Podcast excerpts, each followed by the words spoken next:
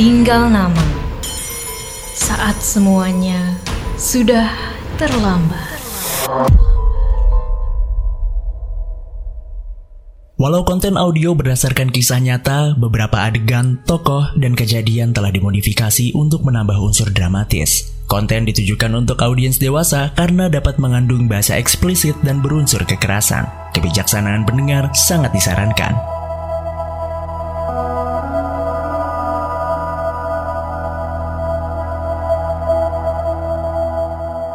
Datang di podcast Tinggal Nama. Podcast persembahan Media Podcast Network bekerja sama dengan Intisari dan Motion Radio menghadirkan kisah kriminal dari seluruh penjuru dunia yang bersumber dari artikel terbitan Intisari. Sebelum mendengarkan, jangan lupa untuk klik follow podcast Tinggal Nama dan beri rating terbaikmu. Follow juga Instagram, TikTok, dan Twitter kami di @medio by KG Media agar tidak ketinggalan informasi podcast lainnya. Kamu bisa berlangganan Intisari Plus di plus.intisari.grid.id dan Intisari akan memberikan diskon sampai 50% untuk berlangganan majalah Intisari di atas satu bulan melalui gridstore.id.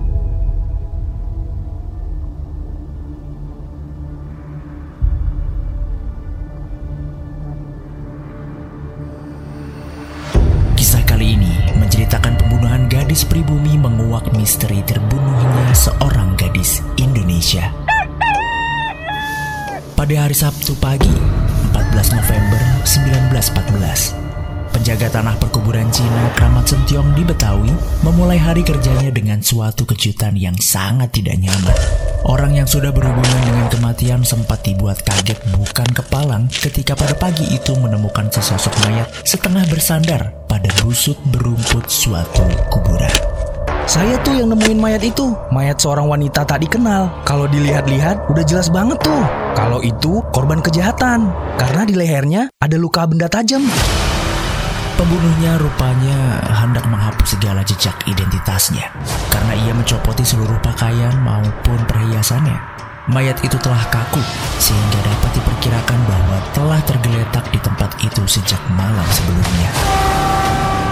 Bisa dibayangkan bahwa tanah perkuburan tersebut pada masa itu merupakan tanah yang cukup luas, tempat yang seram dengan rerumputan liar, semak-semak, dan pohon-pohon besar. Jalan yang dulunya bernama Gang Sentiong yang berakhir pada jalan lintasan kereta api menjadi jalan rintisan yang berlumpur menuju ke tempat pemakaman.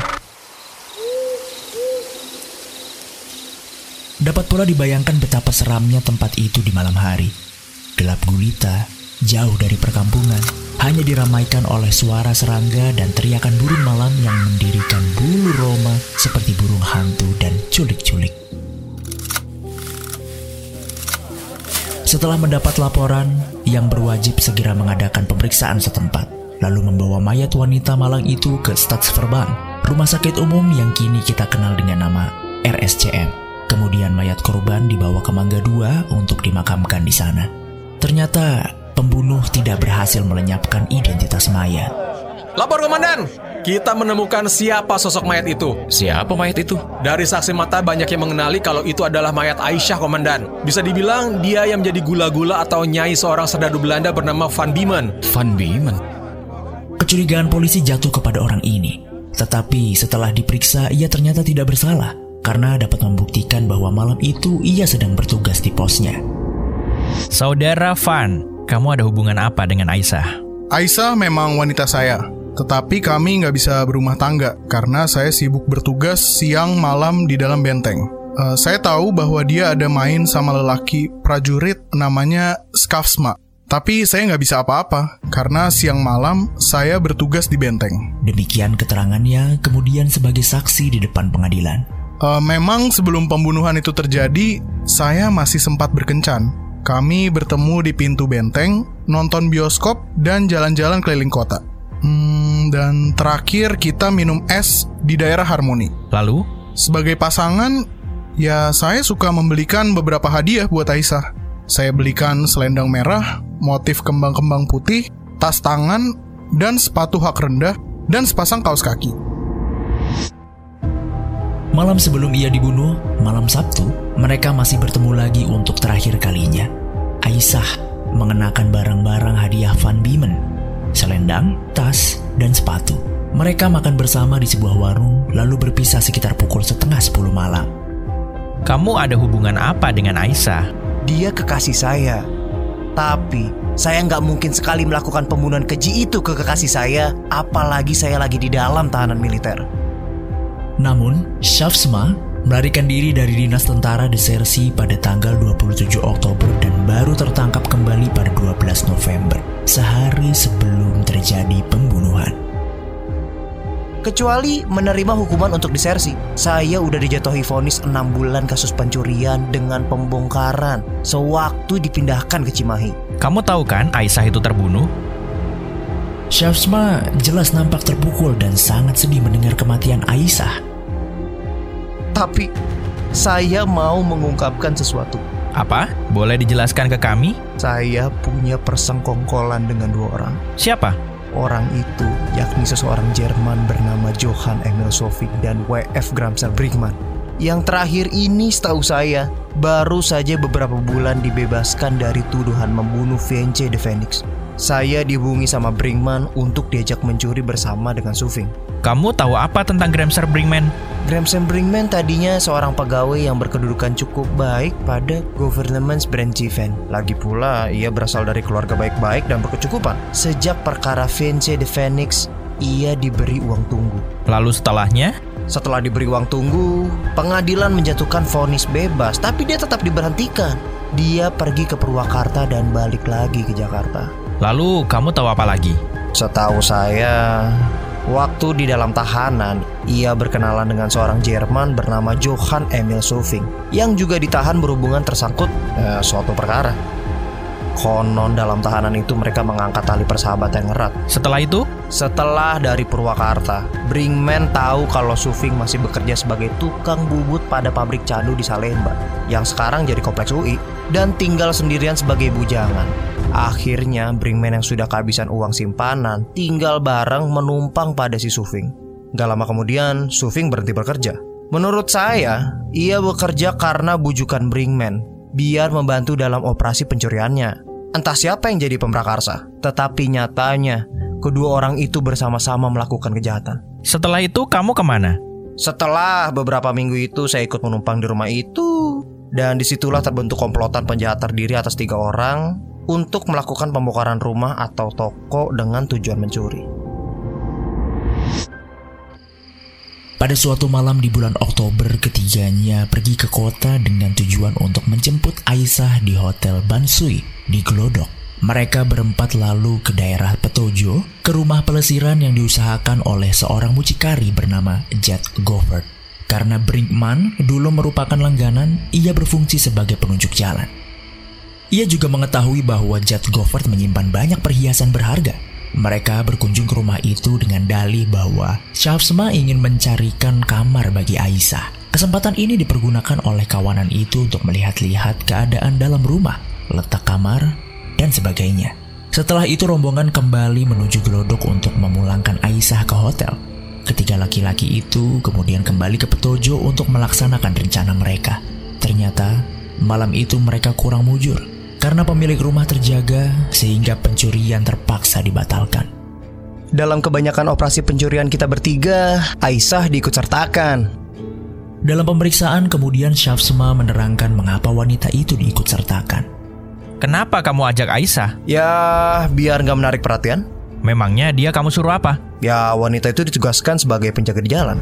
Tetapi tidak jelas bagaimana ia dapat memberikan isyarat kepada kawanan maling yang beroperasi di dalam rumah yang menjadi sasaran.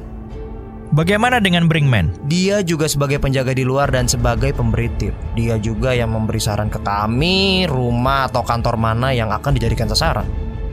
Dengan cara itu, mereka antara lain mencuri di bengkel Niopong Long di Molenfleet Barat yang sekarang menjadi Jalan Gajah Mada, Volks Apotek di Ridgewick atau sekarang menjadi Jalan Veteran, sebuah apotek lain di Senen, Matraman, toko pakaian Kemper Franken, kantor Government Betelhaven di Landerimer atau sekarang Tanah Abang 3, bekas tempat kerja Brinkman.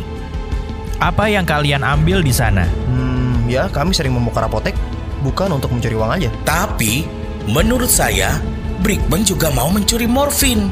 Tujuannya sudah pasti untuk menyingkirkan para saksi yang memberatkan dirinya dalam perkara Fincher the Phoenix. Di antaranya ada Rauna dan Jim Oat. Dan pada tanggal 12 November, Shafsma tertangkap.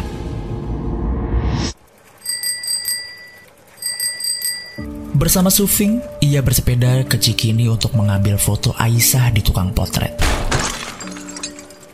Sepedanya bertabrakan dengan sebuah sado sehingga ia terlempar ke aspal. Aduh, aduh, aduh, sakit banget. Eh, nggak apa-apa. Ya ampun, minum dulu, minum dulu. Iya, iya, minum dulu, minum dulu. Enggak, enggak, enggak, enggak, enggak, enggak apa-apa, enggak apa-apa kok. Ada cedera nggak? Cedera nggak? Enggak ada cedera apa-apa kok. Duh, permisi, permisi. Saya beneran enggak apa-apa. Ada apa tuh rame-rame? Ke sana aja pak. Eh kamu, jangan lari! Apaan sih? Suatu patroli yang kebetulan lewat mengenali tampang serdadu pelarian ini, sehingga ia langsung ditahan, lalu dibawa ke pos jaga. Ah, sialan. Sufing buru-buru pulang. Aisyah, Aisyah, Kenapa? capek banget. Itu, itu, Skepsma, Kenapa? Kenapa? Skepsma ditahan polisi. Hah? Tidak lama kemudian, wanita malang itu menghadap komandan jaga untuk minta bertemu dengan Shafsma. Permisi Pak, saya mau bertemu dengan Sasma. Maaf, kami tidak bisa mengizinkan bertemu atas nama Skasma. Menolak permintaan itu, akhirnya Aisyah mencari jalan lewat pintu belakang. Ia berhasil menemui pacarnya sejenak. Hei, sayang, Hei, kok kamu bisa masuk ke sini? Aku lewat pintu belakang. Cepet pulang. Nanti kalau kamu ketangkap gimana? Tapi sayang, Buruan. Besok pagi jam 7 jenguk aku lagi. oke oke. Hei, kita kasih kamu waktu buat mandi ya. Sialan tuh orang. Lihat aja gue bakalan berhasil buat lari. Saat itu, waktu tahanan diberi kesempatan untuk mandi, ia merencanakan untuk melarikan diri lagi. Tetapi keesokan harinya, pada waktu yang telah dijanjikan, Aisyah tidak muncul dan Shafsma tidak akan melihatnya lagi untuk selamanya. Sementara itu, polisi sudah mencium jejak pelaku pencurian berangkai terhadap toko dan apotek di Jakarta. Petugas polisi dibantu oleh mata-mata mereka dan sudah lama mereka mengikuti gerak-gerik Brinkman dan Sufing. Seorang sinder polisi bernama M.A. Sohoka mendapat tugas untuk mengamati Brinkman bersama beberapa orang pembantu. Lapor, tanggal 13 November sekitar pukul 7 malam, Brinkman dan Sofing duduk minum-minum limun di dekat sebuah bioskop di Mester. Satu jam kemudian, keduanya pulang ke rumahnya di Salemba Utan. Mengetahui bahwa kedua oknum itu mempunyai hubungan dengan Aisyah, setelah diketahui pembunuhannya, polisi makin memperketat pengawasan atas kedua orang yang dicurigai itu. Komisaris Rusen mengunjungi Sufing di Salemba Utan. Dari seorang tetangganya yang bernama J.F. Van de Drift, yang juga penghuni kampung itu, Rusen mendapat keterangan bahwa Hmm, pernah lihat asap dari halaman belakang mereka. Kemudian saya melihat ada sisa-sisa kain dan payung terbakar di atas tumpukan sampah. Hei, diam kamu. Pada penggeledahan rumah yang dilakukan polisi berikutnya ditemukan alat-alat pencurian seperti linggis, pahat, dan tiga pasang sepatu karet. Komandan, kami menemukan sejumlah racun, sian kali, prusi atau sulfat tembaga dan sejumlah bulu bambu di dalam botol. Pada tanggal 5 Desember, kedua orang itu dimasukkan ke dalam tahanan di penjara Kelodok. Pengadilan itu memeriksa perkara pembunuhan Aisyah ini dimulai pada tanggal 18 Mei 1915. Perkara ini merupakan perkara sensasional dan banyak menarik perhatian khayalak ramai, terutama karena tokoh Brinkman yang pernah tersangkut dalam perkara Vince de Phoenix. Meskipun akhirnya dinyatakan bebas dari tuntutan hukuman karena kekurangan bukti. Publik yang haus sensasi sejak pagi sudah menunggu di halaman gedung pengadilan. Mereka bersorak riuh ketika pintu-pintu dibuka, lalu berdesakan menyerbu ke dalam untuk memperoleh tempat duduk. Sidang dipimpin oleh Hakim Ketua Mr. Nederburg dengan para hakim anggota Mr. Fisher, Mr. Bergsma, dan Mr. De Pauli, serta panitera Mr. Nieuwenhuizen. Jaksa penuntut umum ialah Mr. Trump dan pembela Mr. Freund.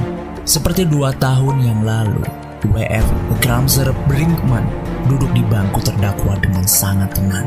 Seorang muda yang berperawakan tinggi, wajahnya cukup tampan bersih terpelihara, pakaiannya pun sangat rapi. Dilihat sepintas, lalu tidak ada seorang pun yang akan menuduhnya sebagai pembunuh. Tetapi nyatanya ia duduk di situ untuk kedua kalinya dituduh membunuh orang. Kini kembali seorang wanita lagi. Di sebelahnya duduk Johan Emil Sufing, seorang pemuda kulit putih yang mengadu nasib di tanah jajahan. Ia duduk dengan sikap yang menunjukkan bahwa ia tidak takut menghadapi sidang pengadilan ini. Lengan kanannya diletakkan seenaknya di sandaran kursinya. Perawakannya lebih pendek daripada Brinkman, tetapi wajahnya tampak lebih muda. Hari ini, dialah yang pertama mendapat giliran diperiksa oleh sidang, walau hanya sebagai terdakwa kedua. Sufing, apakah Anda tetap pada pengakuannya yang diberikan pada pemeriksaan sebelumnya? Tanpa ragu-ragu, Sufing menjawab. Iya, pada malam peristiwa itu saya membujuk Aisyah untuk ikut dengan saya bersama Brickman karena kami mau membebaskan seorang bernama Skafsma. Seorang serdadu buronan yang karena perbuatannya sedang meringkuk di dalam tahanan. Iya, saya mau mengaku kalau saya menggunakan alasan itu dipakai buat ngebohongin wanita itu dan juga saya sama Brickman berjanji untuk mengakhiri hidupnya. Apalagi Aisyah ini tahu terlalu banyak tentang kehidupan kami, terutama mengenai pencurian-pencurian. Bagaimana cara Anda membunuh Aisyah? Saya mencekik leher Aisyah dan dia sendiri yang menikamkan pisau ke leher Aisyah. Terus bagaimana cara Anda melakukan pembongkaran dan pencurian? Aisyah membantu pekerjaan ini dengan bertugas sebagai penjaga. Orang keempat ialah Skafsma. Kemudian hakim ketua berpaling kepada terdakwa utama. Anda sudah mendengar apa yang baru saja dinyatakan oleh terdakwa kedua? Iya. Anda mengaku ikut serta melakukan pembunuhan atas perempuan bernama Aisyah itu? Tidak. Pada malam itu, saya memang pergi ke Taman Pekuburan Sentiong bersama Aisyah dan Sofing. Tetapi saya nggak pernah membuat perjanjian dengan Sofing untuk membunuh perempuan itu. Kita pergi bersama dalam usaha untuk membebaskan Skafsma. Tapi saya berhenti sendiri kira-kira 30 meter dari jalan kereta api. Nah, Sofing berjalan ke arah kuburan bersama Aisyah. Dalam waktu singkat, Sufing balik bilang ke saya kalau perempuan itu gak mau meneruskan perjalanan. Jadi ya, Sufing marah dan menikam lehernya. Saya emang ikut serta dalam pembongkaran rumah serta pencurian-pencurian. Tetapi, tugas utama saya dalam operasi ya cuma berjaga-jaga atau memberikan petunjuk-petunjuk. Sidang dimulai dengan pemeriksaan Sufing sebagai terdakwa kedua. Setelah Brinkman meninggalkan ruangan. Terus bagaimana kalian melakukan pencurian bersama? Iya, pada akhirnya sampai di hari tertangkapnya Skafsma, Brickman menyarankan agar menyingkirkan saja perempuan itu sebab dia tahu terlalu banyak. Sebelumnya, Brickman juga sudah pernah mengajukan usul serupa, tetapi mendapat tentangan kuat dari Skafsma. Juga Sufing tidak setuju, sehingga usul Brickman itu tidak dijalankan. Waktu Shafsma tertangkap, Brinkman kembali mendesak. Terutama, katanya, sebab ada orang ketiga muncul. Orang itu ialah Van Biemen, serdadu KNIL lain. Brinkman khawatir bahwa setelah Shafsma tertangkap, Aisyah kembali lagi kepada Van Biemen. Dalam hal itu, besar kemungkinannya bahwa Aisyah akan membocorkan rahasia mereka bertiga. Sebab perempuan sukar menyimpan rahasia. Demikian alasannya. Brinkman mendesak terus. Sekarang tepat waktunya untuk bertindak. Emil Sufing terpaksa menurut. Hakim ketua memperingatkan agar Sufing memberikan keterangan sejujurnya dan kenyataan sebenarnya. Walau duduk di situ sebagai terdakwa, dia diminta agar mempunyai rasa keadilan dan kebenaran agar jangan memberikan keterangan hanya untuk mengalihkan kesalahan kepada orang lain. Sufing, camkanlah bahwa keterangan Anda bukan bukti akan kesalahan tertuduh pertama. Janganlah berusaha membersihkan diri dan menimpakan semua kesalahan kepada dia. Dengan begitu dosa Anda sama sekali tidak akan menjadi lebih ringan. Apakah Anda tetap ada keterangan bahwa Brinkman lah orang yang mengusulkan pembunuhan itu? Ingat, janganlah memberatkan dia dengan sia-sia. Memang betul, Brickman yang mengusulkan. Kalau Anda harus mengucapkan sumpah lagi, apakah Anda masih tetap mengatakan itu? Ya, Tentu. Saya peringatkan lagi, jika ini sama sekali nggak penting, apakah kesalahan Brinkman diperberat dan karena itu kesalahan tertuduh sendiri tidak diperingan? Saya juga tidak minta keringanan. Saya hanya inginkan keadilan. Sebab Brickman bertingkah seperti bajingan. Mengenai perjanjian untuk melakukan pembunuhan dan situasi yang menjurus kepada perbuatan itu. Beberapa hari sebelumnya, saya berkenalan dengan seseorang yang bernama Konings, seorang serdadu yang melarikan diri. Saya dan Brickman bilang ke Aisyah kalau ini untuk membantu Skapsma melarikan diri perlu dimintai bantuan orang ini. Sedangkan mereka berdua tiada yang tahu di mana Konings ini bersembunyi. Memang, mereka berdua tidak berniat menemui Konings, karena itu hanya dalih untuk mengajak Aisyah keluar rumah. Rencana pembunuhan itu kemudian dibicarakan. Tempatnya ialah kuburan Cina Sentiong yang dapat dicapai dengan menyusuri jalan kereta api dari Salemba Utan ke arah utara.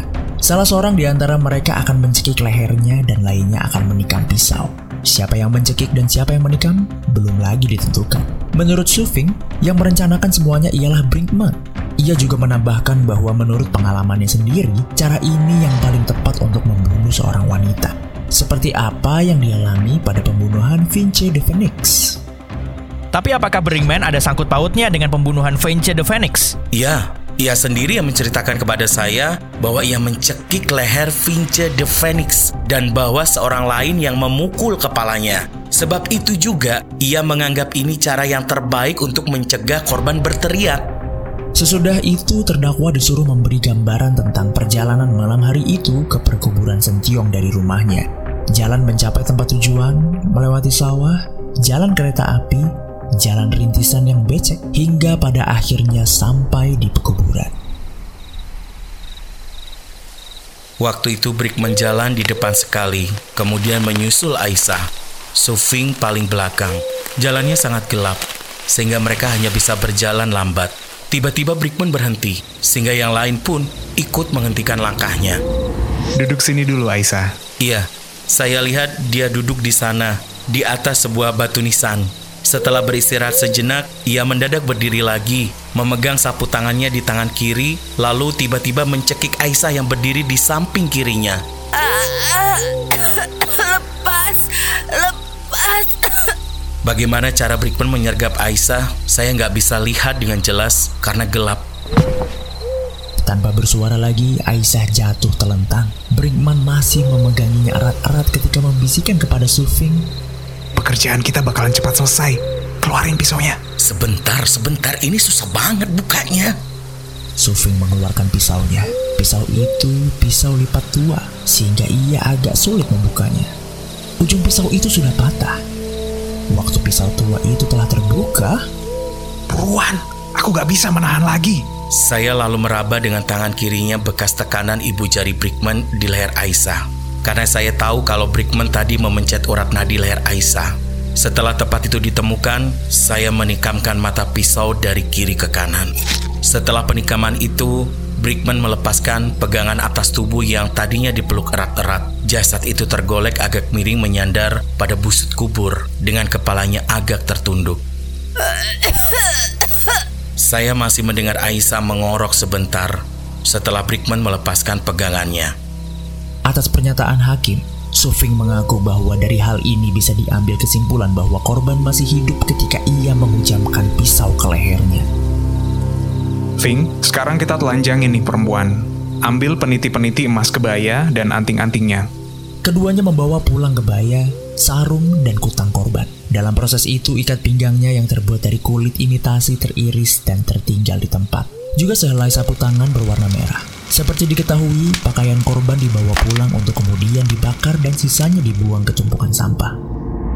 Pada sidang berikutnya, hakim kembali menanyakan kepada tertuduh Sufing, apakah ada perjanjian sebelumnya tentang siapa yang menikam. Tertuduh tetap pada keterangannya semula bahwa tidak ada perjanjian. Mengapa kamu yang mendapat tugas untuk menikam? Karena saya pernah cerita ke Brickman kalau dulu di Australia, saya pernah menjadi asisten dokter dan sering menghadiri operasi-operasi. Jadi saya dianggap tahu di mana letak urat nadi korban. Apakah kepada Aisyah diberikan racun atau obat bius? Saya kira tidak. Kalau begitu ia tak akan mampu berjalan sejauh itu. Kalau dia diberikan sesuatu tentunya saya bisa melihatnya. Selanjutnya ia menggambarkan bagaimana mereka berjalan menuju ke tempat kejahatan. Aisyah dan Brinkman masing-masing berjalan di atas satu rel kereta sambil berpegangan agar tidak kehilangan keseimbangan. Suping berjalan di tengah di atas kayu bantalan. Sebab itu dia dapat mengatakan dengan pasti bahwa Aisyah tidak dibius. Mereka berjalan dengan cara aneh itu agar tidak menimbulkan suara berisik pada kerikil. Perjalanan dari rumah sampai ke Gang Sentiong itu memakan waktu paling sedikit 3 per 4 jam. Baru sesudah pukul 1 pagi lewat tengah malam kedua pembunuh itu pulang. Sufing tidak berlepotan darah. Pada Brickman, terlihat tangan dan celana tidurnya berlumuran darah. Apakah Aisyah perempuan yang kuat, berotot? Ah, dia cukup tegap, badannya agak besar. Apakah dia pernah sakit di rumah Anda? Belum pernah. Apakah Anda sanggup membunuh perempuan ini sendirian saja? Dengan cara dia terbunuh, itu tidak seterampil seperti yang terjadi itu. Sangat sukar untuk membunuh wanita tersebut. Kecuali jika saya mempunyai pisau lain. Untuk membuka pisau lipat itu aja, perlu digunakan dua tangan. Mengapa mayat itu harus ditelanjangi? Karena menurut Brickman, nanti orang-orang dapat mengenalinya. Setibanya di rumah, pakaian korban malam itu juga dibakar dalam sebuah ember. Juga celana tertuduh dan celana Brickman yang berdarah ikut dibakar. Pisau yang dipakai membunuh dibuang ke dalam kali. Juga anting-anting korban dilenyapkan dengan cara itu. Setelah itu, terdakwa diminta untuk mengisahkan kembali secara tepat bagaimana mereka melakukan perjalanan malam itu sampai hal sekecil-kecilnya. Demikian pula perjalanan pulang. Waktu berjalan di atas rel kereta api itu, pernahkah Anda bertemu dengan orang lain? Iya, di dekat rumah kami bertemu dua orang pribumi di dekat tiang isyarat. Ketika terlihat orang-orang itu mendekat, Brickman bilang kalau kami harus berjalan di parit yang segera kami lakukan. Apakah Anda juga berusaha agar tidak dikenali? Saya melihat Brickman menarik topinya sehingga menutupi mukanya. Apakah Anda menyapa orang-orang itu? Tidak. Dari pemeriksaan pendahuluan, ternyata bahwa ada tiga orang yang lewat. Saya hanya melihat dua orang. Lagi pula saya hanya melihat mereka secara sekelebatan sebab saya memalingkan muka juga agar tidak dikenali. Apakah selama perjalanan juga terjadi insiden lain? Kami membantu Aisyah menerobos pagar kawat berduri. Apakah ia tidak merasa aneh bahwa kalian memilih jalan yang tidak wajar itu? Saya pun tidak mengerti. Mungkin Aisyah sedang memikirkan sesuatu yang lain atau dia tidak memikirkan apa-apa lagi kecuali pembebasan Skefsma. Perempuan itu tak mengeluh apa-apa. Dia tidak minta naik sado atau apa pun. Boleh dikatakan, dia malah tidak pernah mengatakan apa-apa. Pemeriksaan atas terdakwa pertama, Gramser Brinkman, diawali dengan pertanyaan-pertanyaan hakim sekitar perkenalan dengan Emil Sufing, Schafsma, kemudian menyangkut kerjasama yang dilakukan oleh ketiga orang itu. Lalu, bagaimana kisah selanjutnya? Apakah pelaku dari kematian Aisyah bisa terungkap? Nantikan kelanjutannya di episode Tinggal Nama berikutnya.